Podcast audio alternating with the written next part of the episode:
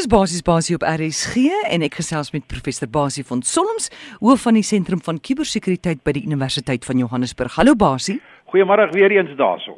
Daar's nou 'n man in die tronk wat boere bel, hy ken hulle by die naam en dan wil hy vee koop, dan betaal hy vir hulle uit die tronk uit. En dis vals internetbetalings en hy reël dat vervoerkontrakteurs die beeste of skape kom oplaai en die boere kry bankkennisgewings wat hulle as bewys van betaling ontvang, maar dis vals. Hoe werk dit? Uh hierdie oorbetaling en hierdie koopaksie is is 'n bekende internasionale slenter wat uh, Afrikaans maar kan ons maar praat van jy weet ek het jou te veel betaal mm. of ek het jou betaal of ek bestel die goed by jou en hier is die betaling in jou bankrekening uh, ek gaan die goed by jou kom haal.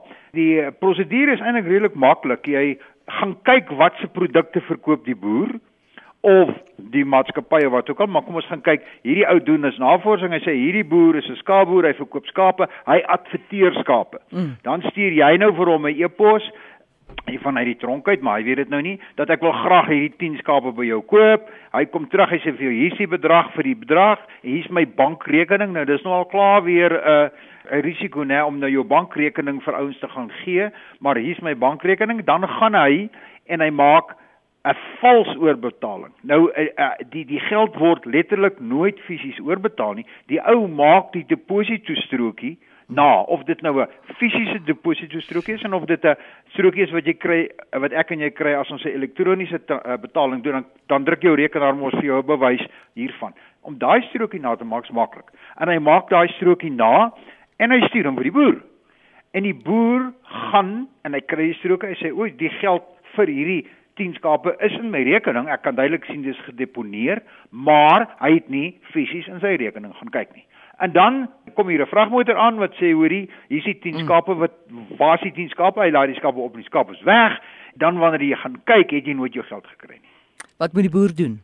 Die boer moet net eenvoudig nie die skape op die vragmotor laai voor hy nie in sy bankrekeninge gaan kyk het mm. dat die geld fisies letterlik daar is nie.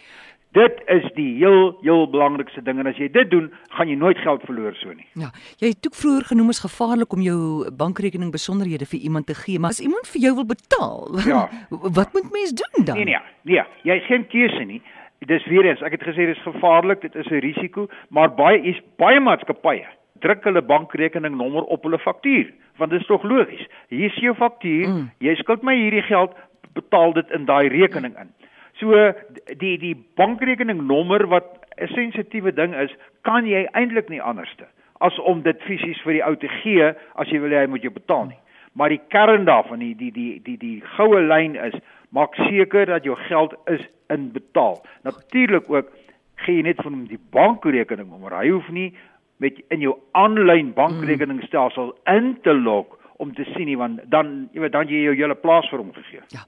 Basie, ek het gisteraand op my banktoepassing gegaan en eers vanoggend kry ek 'n SMS van my bank wat sê uh, jy het jy jy's aanlyn as dit nie jy is nie bel hierdie nommer. Dit is iets soos 10 ure daarna. Nou kan ek sien nou maar daar het 'n uh, booswig ingegaan op my rekening en hulle R5000 ja. uitgetrek. Kan ek die bank verantwoordelik hou daarvoor? Nee, die bank gaan wegkom daarmee. Want die bank gaan sê dis nie ons nie, dis die selfoonmaatskappy. Jy weet dit is dis die ding wat ek mm. hoe lank al oor beklei dat die bank gee vir ons sekere inligting waar hulle subkontrakteer die selfoonmaatskappy en dan sit die pot wat die ketel verwyk. Dan sê die bank, "Maar ons het daai oomblik toe jy aangeteken het, het ons daai SMS gestuur."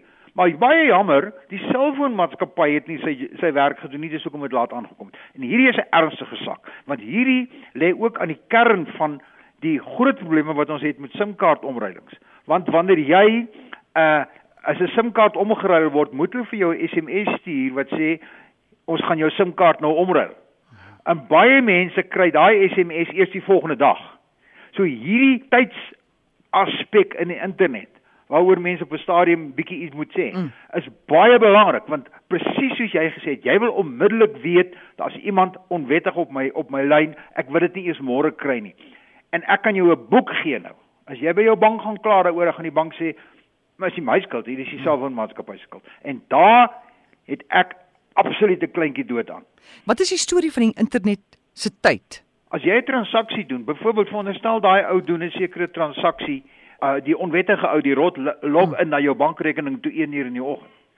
Dan wil jy onmiddellik 'n e-pos kry wat wat vir jou sê dit was 1 uur gewees en baie regspraktisyns gaan vir jou sê die tyd van 'n e-pos is verskriklik belangrik. Hoe wanneer is daai e-pos vir my gestuur of wanneer is daai SMS vir my gestuur? Nou as jou rekenaar se tydinstelling nie reg is nie of as die internetdiensverskaffer se tyd nie reg is nie, dan sit hulle 'n verkeerde tydstempel. Al baie keer is dit 'n kwessie van 'n paar sekondes of 'n minuut of 2 en dit kan 'n groot verskil maak in die transaksie veronderstel argumentsonthou. Daar's 'n afsnydatum vir die tender. Die tender is 12 uur middernag op hierdie datum. En ek stuur my e-pos, maar iewers is daar die tyd nie lekker nie. In my voorlegging, my tender kom nou 3 minute na 12 die volgende oggend op daai rekenaar aan. En dan sê die die ouer die tender uitgereik het, jammer jou tender is laat want hy het na 12 uur aangekom en die afsnydatum was 12. En dan kan jy gaan sê maar ek het hom voor 12 gestuur. Maar dan sit jy amper met dieselfde probleem wat wat ons nou mee sit dat daar's 'n klomp partye, dis die internetdiensverskaffer. Mm. Dit is die selfoonmaatskappy en almal van hulle mag 'n bietjie uitwees en uiteindelik is die tyd uit en jy verloor daai tender of jou tender is te laat volgens hulle wat dit nooit was nie. So daar's soveel fynere detail, jy weet wat moet reg loop in die kuberruimte dat 'n ou moet maar jou prioriteite af afskaal en versigtig wees. So jy moet kyk nommer 1 dat die tyd op jou rekenaar reg is. Baie belangrik, jy moet jou tyd gereeld sinkroniseer. Uh gelukkig doen die meeste bedryfstelsels doen dit of as jy in 'n netwerk is, dan doen die netwerk dit vir jou as die netwerk se tyd natuurlik reg is.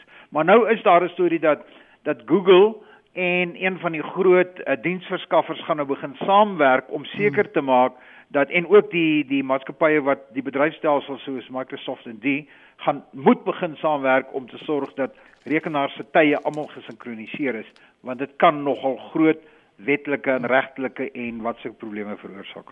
So gesels professor Basie van Solms en jy kan hom kontak by rsgbasie@gmail.com.